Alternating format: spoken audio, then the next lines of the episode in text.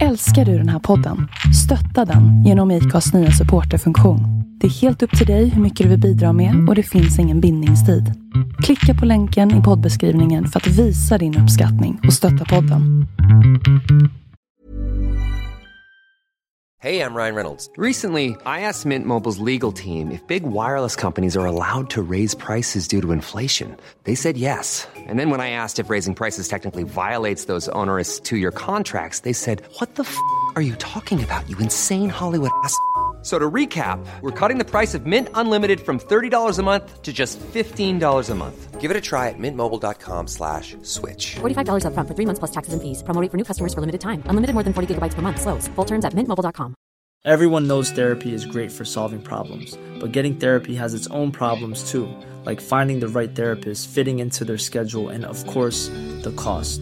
Well, BetterHelp can solve those problems. It's totally online and built around your schedule. It's surprisingly affordable too. Connect with a credentialed therapist by phone, video, or online chat, all from the comfort of your home. Visit betterhelp.com to learn more and save 10% on your first month. That's BetterHelp, H E L P.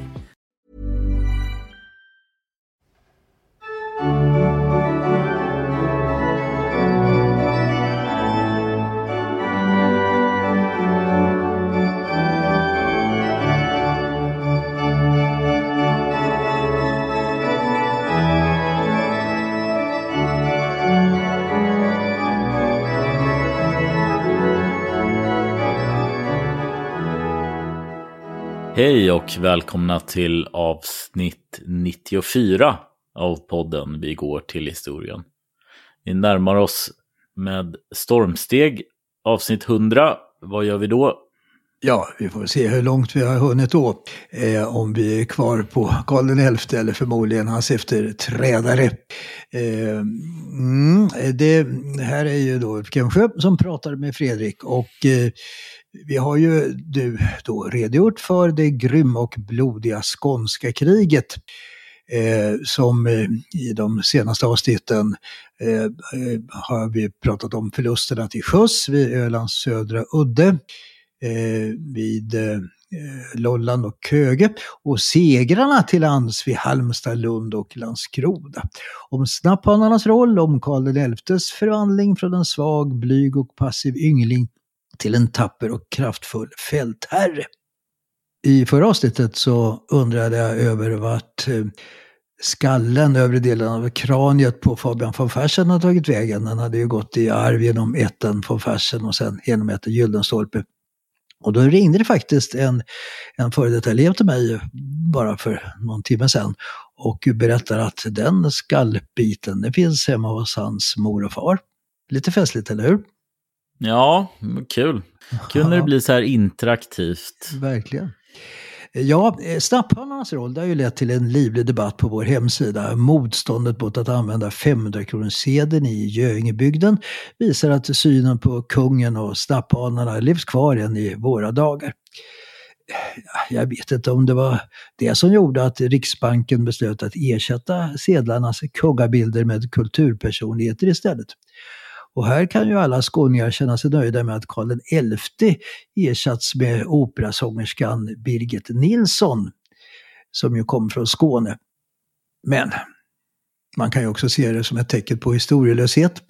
Gustav Vasa, Gustav II Adolf, Karl XI ersätts med kulturkändisar från 1900-talet. Eh, Selma Lagerlöf på 20 kronor sedan. Eh, ja, jag vet, vet du vad det är för porträtt på de andra nya sedlarna? Ja, det där har vi ju pratat om tror jag. Alltså, vi, vi använder ju inte pengar längre så nej, nej, det spelar svårt. inte lika stor roll. Det, det är Men så. eh, jag, jag vet att Bergman finns väl på någon här. Just det, Ingmar Bergman är på 200 kronor Ja. Ja. Och på 50-lappen är det Evert Taube. Det är inte Aha. ofta man ser den. Eh, Och 100 Var det inte han som aldrig hade några pengar? Ja. ja, han har fått lite revansch här då. Och 100 kronorssedeln är faktiskt Greta Garbo. Ja, Eh, och eh, Ingmar Bergman då på 200 som du sa och så Birgit Nilsson på 500. Och sen finns det väl bara en sedel till och det är 1000 kronorssedeln och vet du vem som pryder den? Mm. Foppa? Nej, jag skojar. Nej, det vet jag inte. Det är faktiskt Dag Hammarskjöld. Ja, men självklart. Ja, så är det. Hur, eh, ja. Ja, alltså, det här började redan på 90-talet med den välbekanta 20 med Selma Lagerlöf och en 50-lapp med sångerskan Jenny Lind. Vilken, eh, vilken valör vill du vara på sen? Vi går till historienskaparen. Ja, eh, jag har inte funderat så mycket på det, men eh, det finns ju, tidigare fanns ju en 10 000 kronors sedel, men den är borta, men den kanske kan komma tillbaka. Det är den du siktar på? Det vore väl inte så oävet kanske att pryda den. Nej. Eh, ja, vi får se. Eh, ja, alltså när det gäller de äldre sedlarna, då kan man ju undra varför man valde just den i Göingebygd, den kontroversiella Karl XI. Och i vår podd har vi inte kommit fram till någon anledning i hans liv och gärning än. Men eh, Karl kommer i nästa avsnitt visa sig vara en hejare på att förbättra statens finanser genom sin reduktion av adelns tillgångar. Och det var, det var något som den vid sedelns utgivning aktuelle finansministern, den legendariske Gunnar Sträng, var imponerad av. Sträng han var då också ordförande i Riksbanksfullmäktige. Den svenska riksbanken är ju förresten världens äldsta, från 1668. Detta och grundaren Palmstruck och den tidiga sedelutgivningen har vi pratat om, kommer ihåg, i ett tidigare avsnitt. Mm, Palmstruck kommer jag ihåg. Ja, han var ju en 1600-talets superentreprenör. Vår första bankdirektör. Eh, den första som gav ut sedlar istället för de tunga kopparmynten. Men han råkade ju illa ut. Han satt ju i fängelse och dömdes till landsflykt och böter och så vidare. Men tillbaka till de gamla sedlarna. Det fanns i min barndom en gulfärgad femkronesedel med dåvarande kungen Gustav VI Adolf på. Eh, bilden av monarken fick kritik för att han med uniformsklädsel såg ut som en eh, sydamerikansk militärdiktator. Eh, du vet alla Pinochet eller, eller grekisk juntageneral.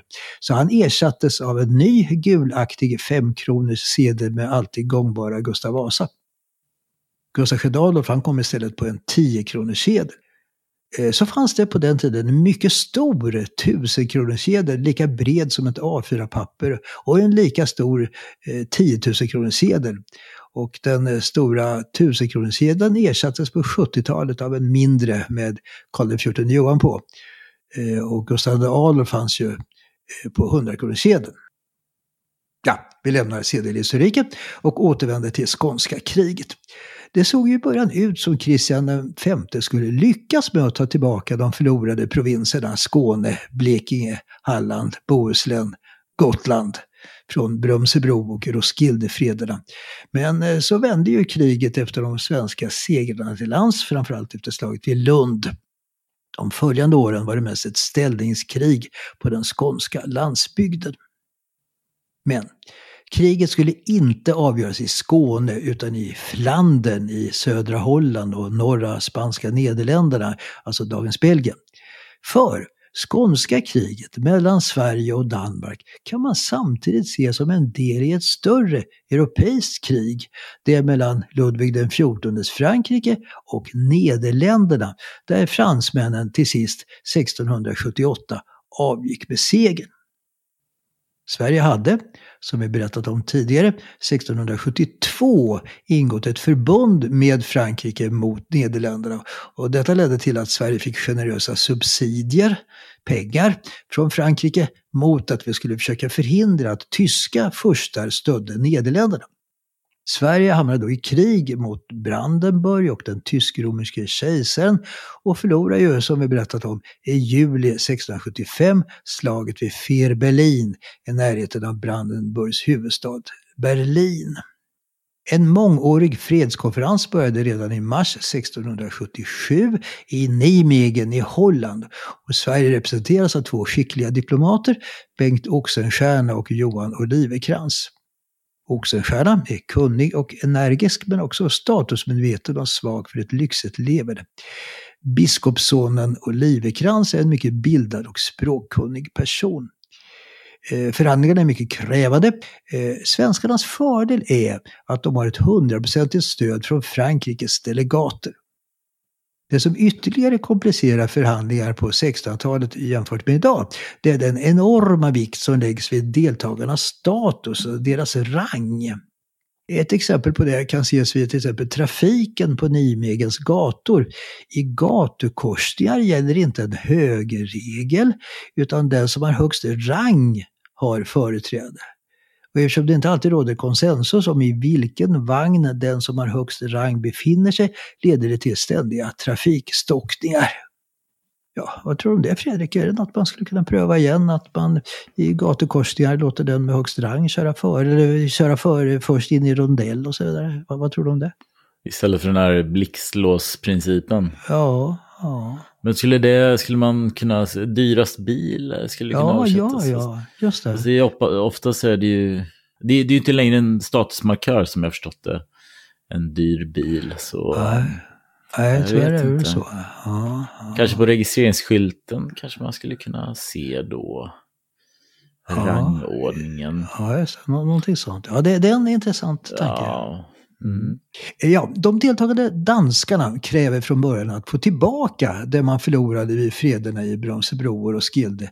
Men också att tillsammans med Brandenburg, de tyska provinserna, danskarna vill ha Wismar och ön Rügen, dela Bremen-Verden med Brandenburg, medan Brandenburg vill ha svenska Pommern. Ja, det här kan ju låta märkligt och lite kaxigt efter förlusten i Lund, men danskarna har ockuperat Wismar, Rügen, Brebenverden och dessutom Gotland och större delen av Bohuslän samt Helsingborg och Landskrona. Ett problem för danskarna är att deras stormaktsallierade Nederländerna och Tysk-romerska riket inte ger samma stöd som Frankrike ger Sverige. I juli 1678 blir det så fred mellan Frankrike och Nederländerna. I september fred mellan Frankrike och Spanien. Och det här banar väg för en fred för Sverige. Och i januari 1679 sluts först en fred mellan Sverige och Tysk-romerska riket. Och den slår fast att bestämmelserna i Västfaliska freden ska gälla, alltså att Sverige får tillbaka sina tyska besittningar. Brandenburg protesterar, men då Ludvig XIV låter franska trupper gå in i den brandenburgska kurfurstens områden vid Ren går man med på en kompromiss. Freden i Saint-Germain i juni 1679 som innebär att Brandenburg får en liten landremsa av Hinterpommern men att Sverige ändå behåller huvuddelen av svenska Pommern. Karl XI visar ingen tacksamhet mot fransmännen utan retar sig på att de bestämmer över svenskarnas huvud. Men det är förstås freden med Danmark som är den avgörande. Fredsförhandlingar inleds i Lund på sommaren 1679 efter nära fyra års krig. Svensk chefsförhandlare är Karl XIs närmaste man, riksrådet Johan Gyllenstierna. Kungen befinner sig i sitt högkvarter i Ljungby i Småland och Gyllenstierna åker ständigt fram och tillbaka mellan Lund och Ljungby för att rapportera och få direktiv. Men de svenska och danska delegaterna kommer inte överens. Karl XI är orolig. Allt som erhållits i Brömsebroer och Skilde ska behållas. Danskarnas ställning är svår då man efter alla andra freder som slutits inte har några vänner som är intresserade av att stödja dem. Efter två månaders resultatlösa förhandlingar förlorar Ludvig XIV tålamodet och gör likadant som i fallet med Brandenburg. Han låter franska trupper rycka in i grevskapet Oldenburg som hörde under den danske kungen. Ja, Oldenburg låter ju bekant, den danska kungafamiljen heter ju, härstammar ju härifrån, alltså Kristian den förste, du vet på 1400-talet, han var greve av Oldenburg. Det danska kungahuset Oldenburg, det är Europas äldsta och fortfarande fungerande. Kristian V har inget att sätta emot. Han vill förstås inte få Europas då starkaste militärmakt emot sig utan skickar en representant till Paris. Eh, förhandlingar sker på slottet eh, Fontainebleau eh, som du kanske kommer ihåg, vi har nämnt det i ett helt annat sammanhang. Har du någon, någon, något minne där? Det var nämligen drottning Kristina som residerade där och där hände ju något väldigt dramatiskt, kommer ni ihåg? Några decennier tidigare. Ja, jag känner igen namnet. Det var, det var inte då hon eh, ställde till med någon fest och det kom eh, ortsbor dit som hon lät massakrera. Ja, just det. Ja, det är väl Hamburg du tänker på då. Men, men däremot var det ett, ett uppmärksammat dödsfall där, ett, ett, ett, ett mord kan man säga. Som drottning Kristina. Ja, på, råd, på rådgivaren där. Ja, just det. Monaldesco, ja. Monaldesco, det, var, det var mycket uppmärksammat som vi rapporterade om där. Nåväl, danskarna måste foga sig i den franske kungens krav att Sverige inte skulle avträda någonting till Danmark utan att bestämmelserna i frederna i Brömsebro och Roskilde skulle gälla. Så Danskarna måste ge freden i Fontainebleau 23 augusti 1679 lämna tillbaka de områden de ockuperat under kriget. Vi behåller med andra ord Skåne, Blekinge, Halland, Bohuslän, Gotland, Ösel, Jämtland och Härjedalen. Det här måste ju ha varit synnerligen bittert för danskarna som alltså kämpat förgäves i fyra år. Återigen har Frankrike bestämt utan att rådfråga svenskarna, utan att några svenskar medverkat, eh, låt vara med för Sverige bästa tänkbara resultat. Men Karl XI retar sig på nytt över, som han tycker, Ludvig XIVs överlägsna och smått förnedrande sätt att behandla honom. När han får reda på att Ludvig i Paris låtit uppföra en relief föreställande Karl som en mycket ung pojke med kronan under armen, knäböjande inför Ludvig eh, eh, och då mottar fredskontraktet, då får han ett raseriutbrott. Ja, kan du, kan du förstå Karls reaktioner? Ja, men det är ju fransoser också. De, de, eh, de, de stör väl sig hela världen på, det är väl uh, unisont. Det kanske började här. Kanske Fransosernas dåliga rykte. Men eh, samtidigt så, så är det förstås en väldig tacksamhetsskuld till ja, Frankrike. En, en, de visar ju på en lojalitet om de eh, för in en armé endast i syfte att eh, hjälpa Sverige. Ja, det måste man säga. Ja. Jag vet inte, men jag förstår att han blir uh, lite sur faktiskt. Ja, ja. Men han får nog svälja det där helt enkelt. Ja, och alltså för, för, att, för att svälja det där och för att behålla lite värdighet, då återupptas förhandlingarna i Lund, alltså som någon slags eh, spel för galleriet, där man i september kommer fram till samma resultat som i freden i Fontainebleau. Men det stannar inte med detta. Johan Gyllenstierna vill nå längre. Han vill att den månghundraåriga osämjan mellan Sverige och Danmark en gång för alla ska upphöra. Man sluter olika avtal, handels och försvarsförbund och ett hemligt tillägg att man inte ska ingå avtal med andra länder utan den andra maktens medgivande. Men det mest spektakulära är att den 1675, några månader före kriget, ingångna förlovningen mellan Karl XI och den danske kungens syster Ulrika Eleonora nu skulle aktualiseras. Eh, äktenskapet mellan de båda skulle bli den bästa, ehm, skulle vi då säga, symbolpolitiska händelsen som skulle bekräfta vänskapen mellan de båda klassiska arvfienderna. Sen kan man ju fråga sig hur ärlig den plötsliga proklamerade vänskapen är. Svenskarna hoppas på att danskarna fogat sig och accepterat förlusten av Skåne och alla de andra provinserna. Men eh, jag vet inte vad, vad, vad, du tror. Rimligen måste väl en stor bitterhet råda hos många danskar över den hårda freden, e-, eller hur?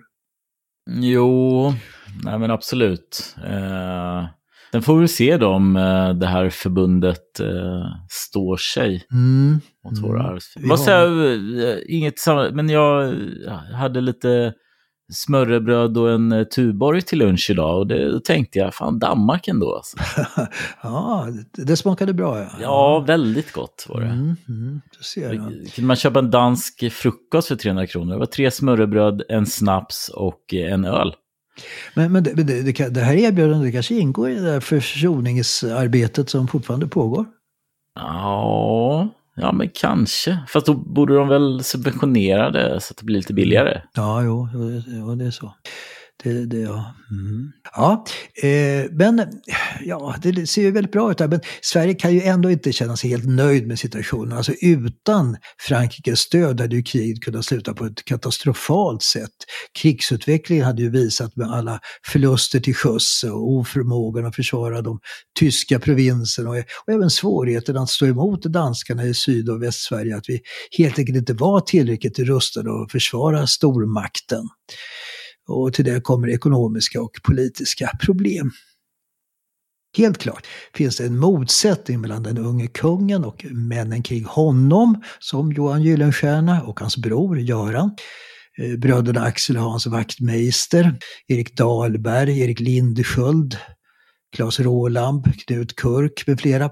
Och den gamla högadliga rådsaristokratin, Eh, alltså den före detta förmyndarregeringen med Magnus Gabriel de la Gardie, Gustav Otto Stenbock, Per Brahe, Sten Bjelke med flera. Och den, den ledande företrädaren i respektive läger, Johan Gyllenstierna och Magnus Gabriel de la Gardie, de, de avskyr varandra. Under kriget var de båda grupperna också geografiskt skilda åt. Kungen och hans män ute i fält, rådsherrarna är kvar i Stockholm. Ska man tillskriva någon äran av att ha lyckats vända den synnerligen allvarliga situationen sommaren 1676 då flottan krossats, de tyska provinserna förlorats, Kristian V är på offensiven i Skåne och hans halvbror Gyldenlöve marscherar söderut genom Bohuslän och härjar i Dalsland och Västergötland, så är det ju Johan Gyllenstierna. Eh, medan rådsmedlemmarna och även kungen då är närmast handlingsförlamade arbetar Gyllenstierna med en okuvlig energi på att utöka antalet soldater, upprusta flottan på nytt, ställa ansvariga som försummat försvaret till svars. Maktkampen mellan kungen och rådet pågår under hela skånska kriget och helt klart flyttas maktcentrum mer och mer från Stockholm till kungens fälthögkvarter.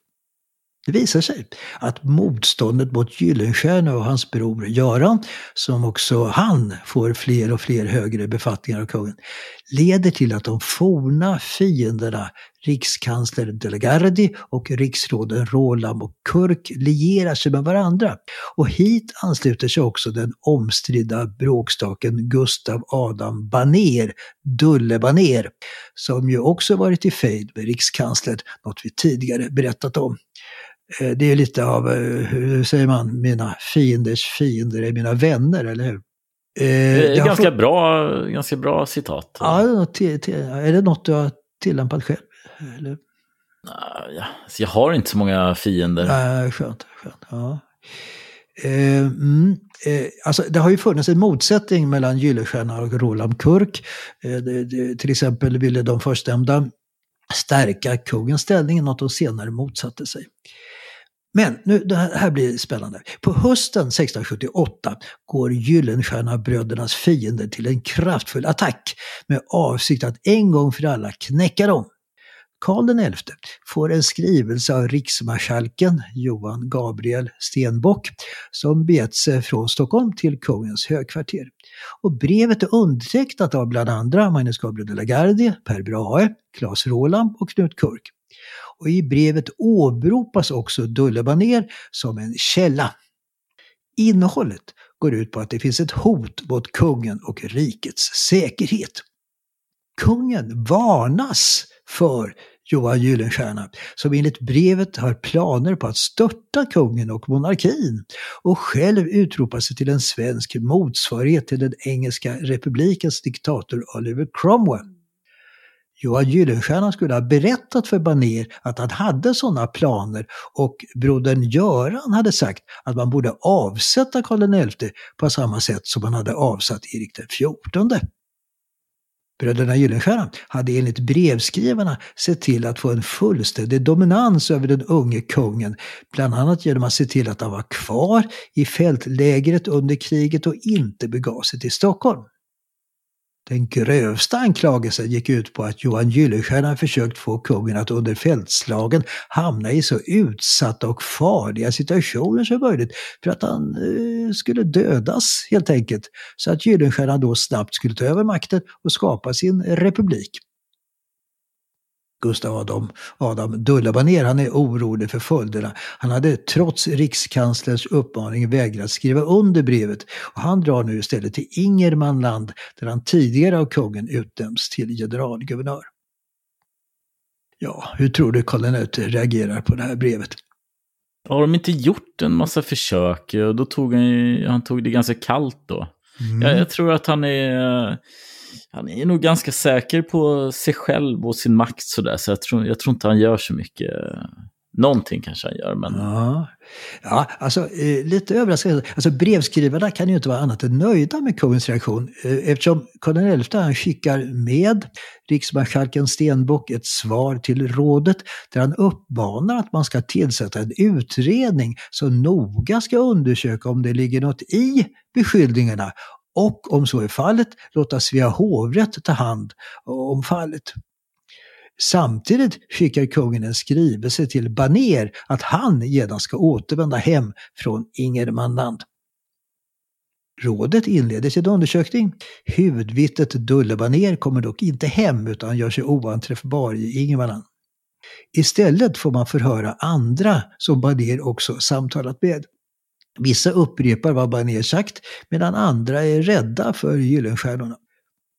Ett exempel här är domaren i Svea hovrätt, Arvid Ivarsson Natt och Dag, som man vet har haft en nära kontakt med Dulla Baner. Han vill inte vittna, men rådet ger honom löften om ett personskydd. Ja, det låter lite som ett eko från dagens debatt om anonyma vittnen och skyddande av vittnen, eller hur? Eh, han, han, vill inte säga att bröderna Gyllenstierna är landsförrädare, men han säger att citat, ingen är säker för Gyllenstiernorna utan de hava intriger för händerna. Efter alla förhör kom man fram till att alla anklagelser mot bröderna Gyllenstierna kan kopplas till en enda person, Gustav Adam Baner. Och i, i oktober ser det helt klart mörkt ut för bröderna Gyllenstierna. Kung Karl har ju gett klartecken att rådet kan skicka över ett ärende om högmålsrätt, om landsförräderi, till Svea hovrätt. Men i början av november går bröderna till motoffensiv. Ryan Reynolds här från Mint Mobile. Med the price of just about everything going up during inflation, we thought we'd bring our prices down. So to help us, we brought in a reverse auctioneer, which is apparently a thing. Mint Mobile unlimited premium wireless. Ready to get 30, 30, bit to get 30, bit to get 20, 20, 20, bit to get 20, 20, bit to get 15, 15, 15, 15 just 15 bucks a month. So, Give it a try at mintmobile.com/switch. slash $45 up front for 3 months plus taxes and fees. Promo rate for new customers for limited time. Unlimited more than 40 gigabytes per month slows. Full terms at mintmobile.com. Everyone knows therapy is great for solving problems, but getting therapy has its own problems too like finding the right therapist, fitting into their schedule, and of course, the cost. Well, BetterHelp can solve those problems. It's totally online and built around your schedule. It's surprisingly affordable too. Connect with a credentialed therapist by phone, video, or online chat, all from the comfort of your home. Visit betterhelp.com to learn more and save 10% on your first month. That's BetterHelp, H E L P. Hey, Dave. Yeah, Randy. Since we founded Bombus, we've always said our socks, underwear, and t shirts are super soft. Any new ideas? Maybe sublimely soft. Or disgustingly cozy. Wait, what? I got it. Bombus. Absurdly comfortable essentials for yourself and for those facing homelessness. Because one purchased equals one donated. Wow, did we just write an ad? Yes. Bombas. Big comfort for everyone. Go to bombas.com slash ACAST and use code ACAST for 20% off your first purchase. Ja, i, i, valet här, vad, vad tror du Karl XI egentligen tycker? Det? Ska han lojal mot Gyllenstierna-bröderna och den falangen eller med De la Gardie och den gamla förmyndarregeringen? Var, var har han sina preferenser? Ja, men det är ju självklart eh, mot eh, Gyllenstjärnorna förstås. De har ju varit honom eh, närmast. Absolut, ja. Och han var ju inte förtjust i gamla förmyndarna. Eh, eh, så vad händer nu då? Jo, efter möten mellan kungen och bröderna Gyllenstierna i högkvarteret i Ljungby skickar Karl XI en skrivelse till rådet i Stockholm att man med omedelbar verkan ska lägga ner undersökningen mot bröderna.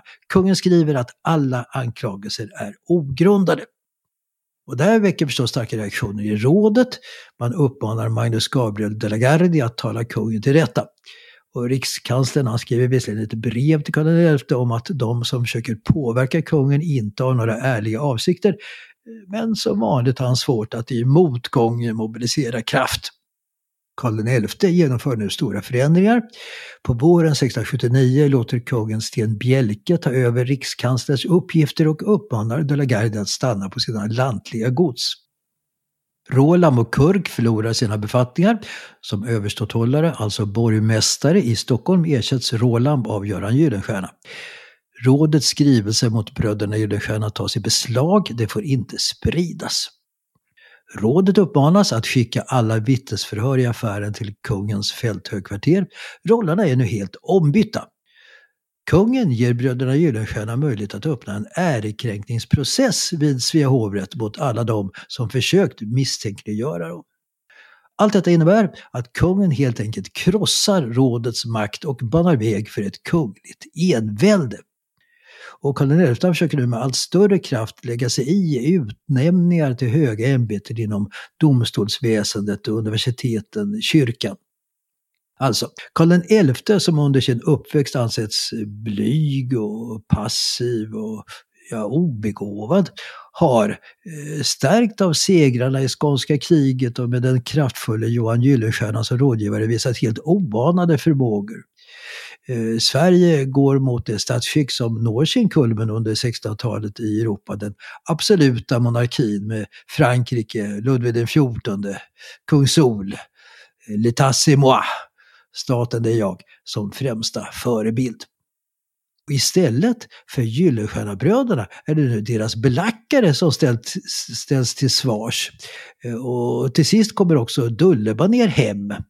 Och han försäkrar att han är helt oskyldig, att allt beror på missuppfattningar, att de som citerat honom vill honom illa, att de är, som han säger, citat, äre och hövlighetsförgätna osanningsmän.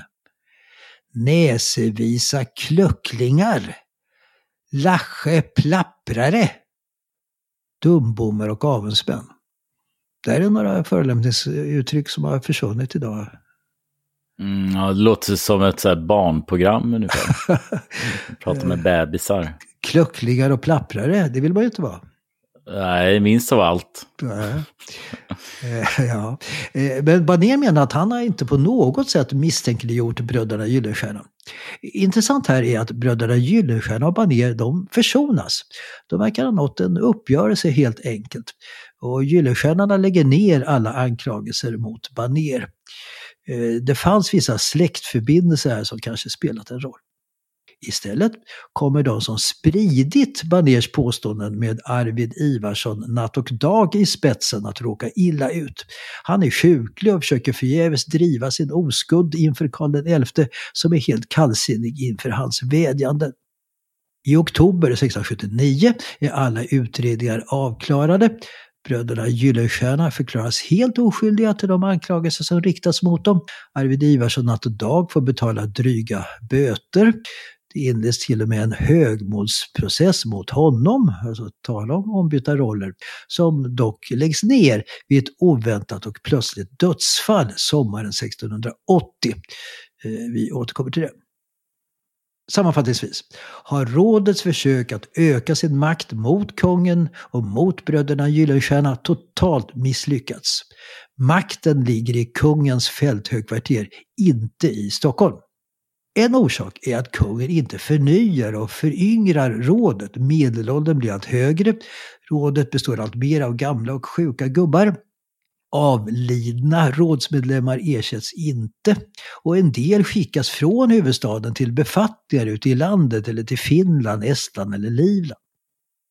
Och när kungen på detta sätt kraftigt minskat rådets makt och inflytande, då tillsätter han i början på 1680-talet sina egna förtrogna som nya riksråd, men som Rutger från Ascheberg, Hans Wachtmeister med flera. Ja, vad säger du? Skickligt handlat av kungen här, eller? Mm. Han fick kritik för sin unga ålder och, mm. och nu nyttjar han den mot de här gamlingarna. Mm. Mm. Det är ganska smart att uh, just inte utse nya. Det är alltid svårt att angripa på um, underlåtenhet att göra någonting. Ja, just det. Just det. Ja. ja, eh, en oanad vändning här av Karl XI, det måste man säga. Eh, mm. Nu lämnar vi politiken och eh, jag tänkte vi skulle avsluta och ägna resten av dagens avsnitt åt det kanske märkligaste av alla kungliga bröllop. Och det bröllop som eh, som sagt var tänkt att bli en symbol för att den sekellånga fiendskapen mellan arvfienderna Sverige och Danmark nu äntligen skulle vara över. Mellan den svenska kungen Karl XI och den danske kungens syster prinsessan Ulrika Eleonora. Den förlovning och till och med trolovning som ingått 1675 återkallades ju när skånska kriget utbröt, men börjar nu gälla igen. Under kriget hade Ulrika Eleonora fått andra friare av hög status som Wilhelm av Oranien i eh, Nederländerna och den blivande tysk-romerske Habsburgkejsaren Josef. Men han dissat dem och hållit fast vid trolovningen. Ulrika Eleonora är yngst av fyra systrar, nu 23 år gammal, ett år yngre än sin blivande make. De tre systrarna är alla bortgifta. Hennes, eh, Ulrika Eleonoras mor, enkedrottning Sofia Amalia, tycker den svenska kungen är ett lämpligt parti. Hennes son, kung Kristian V, alltså Ulrika Eleonoras bror, är mer tveksam. Och det är väl fullt naturligt efter de hårda krigsåren. Han hade hellre sett henne som tysk-romersk kejsarinna. Någon som också är tveksam, det är ju den blivande brudgummen.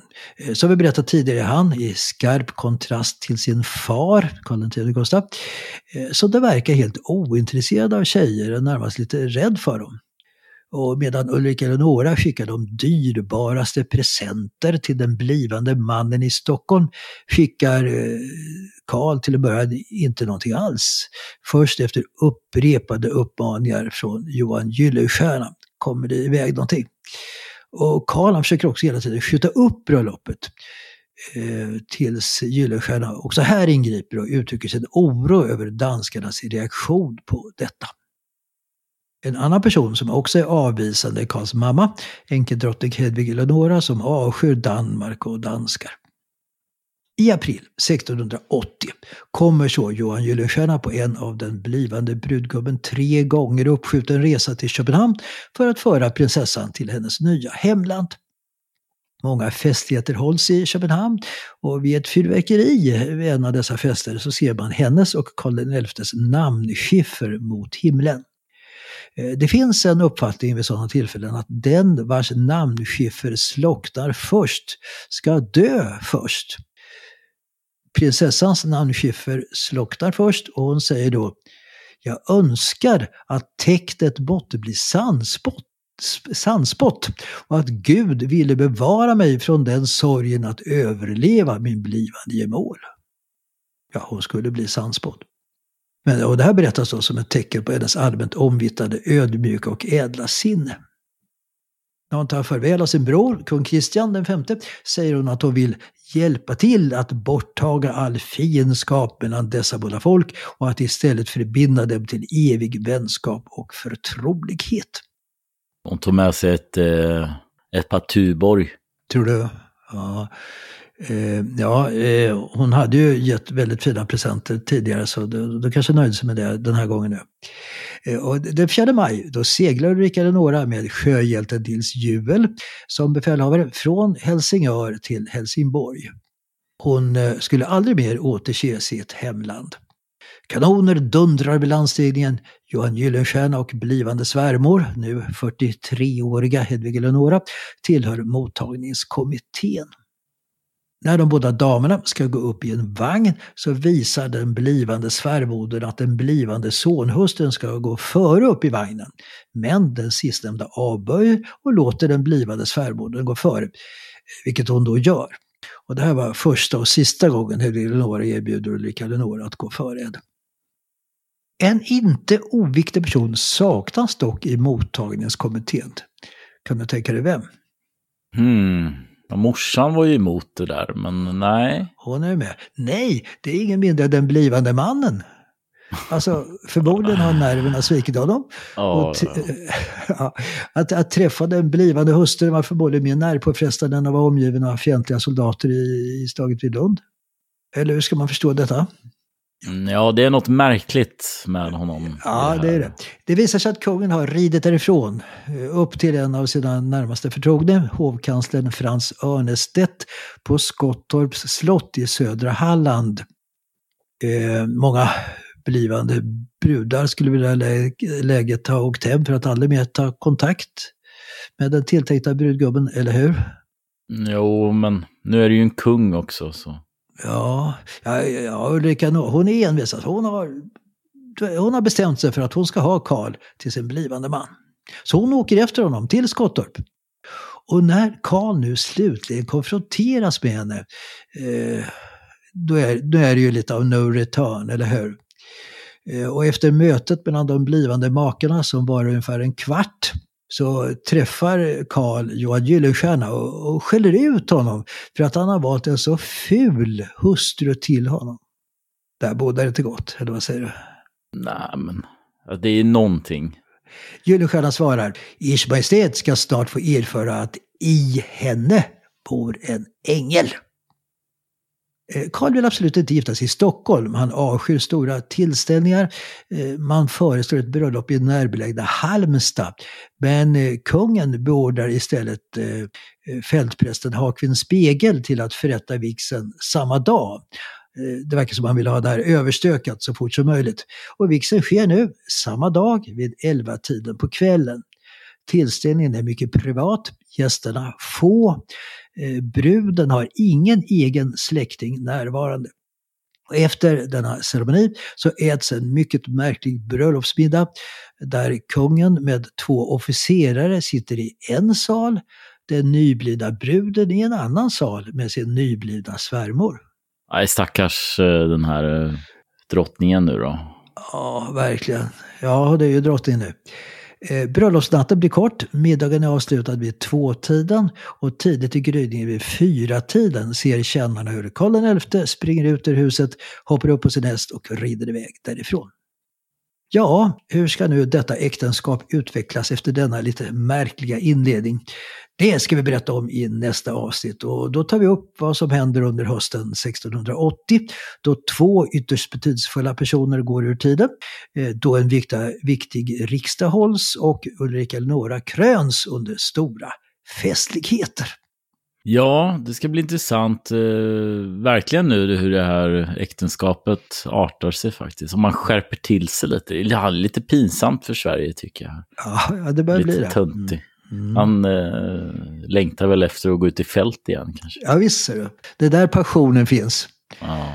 Inte, inte, inte i äktenskapet, uppenbarligen.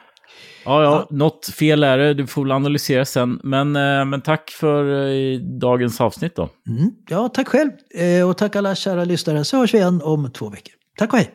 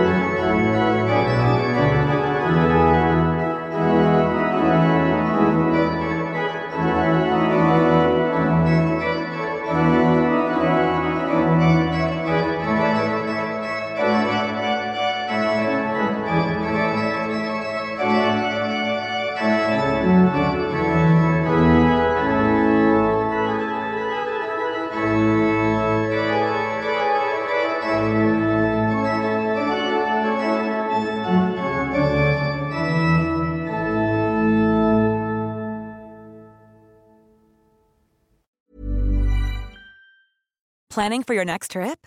Elevate your travel style with Quince. Quince has all the jet setting essentials you'll want for your next getaway, like European linen, premium luggage options, buttery soft Italian leather bags, and so much more. And is all priced at 50 to 80% less than similar brands. Plus, Quince only works with factories that use safe and ethical manufacturing practices. Pack your bags with high-quality essentials you'll be wearing for vacations to come with Quince. Go to quince.com/pack for free shipping and 365-day returns.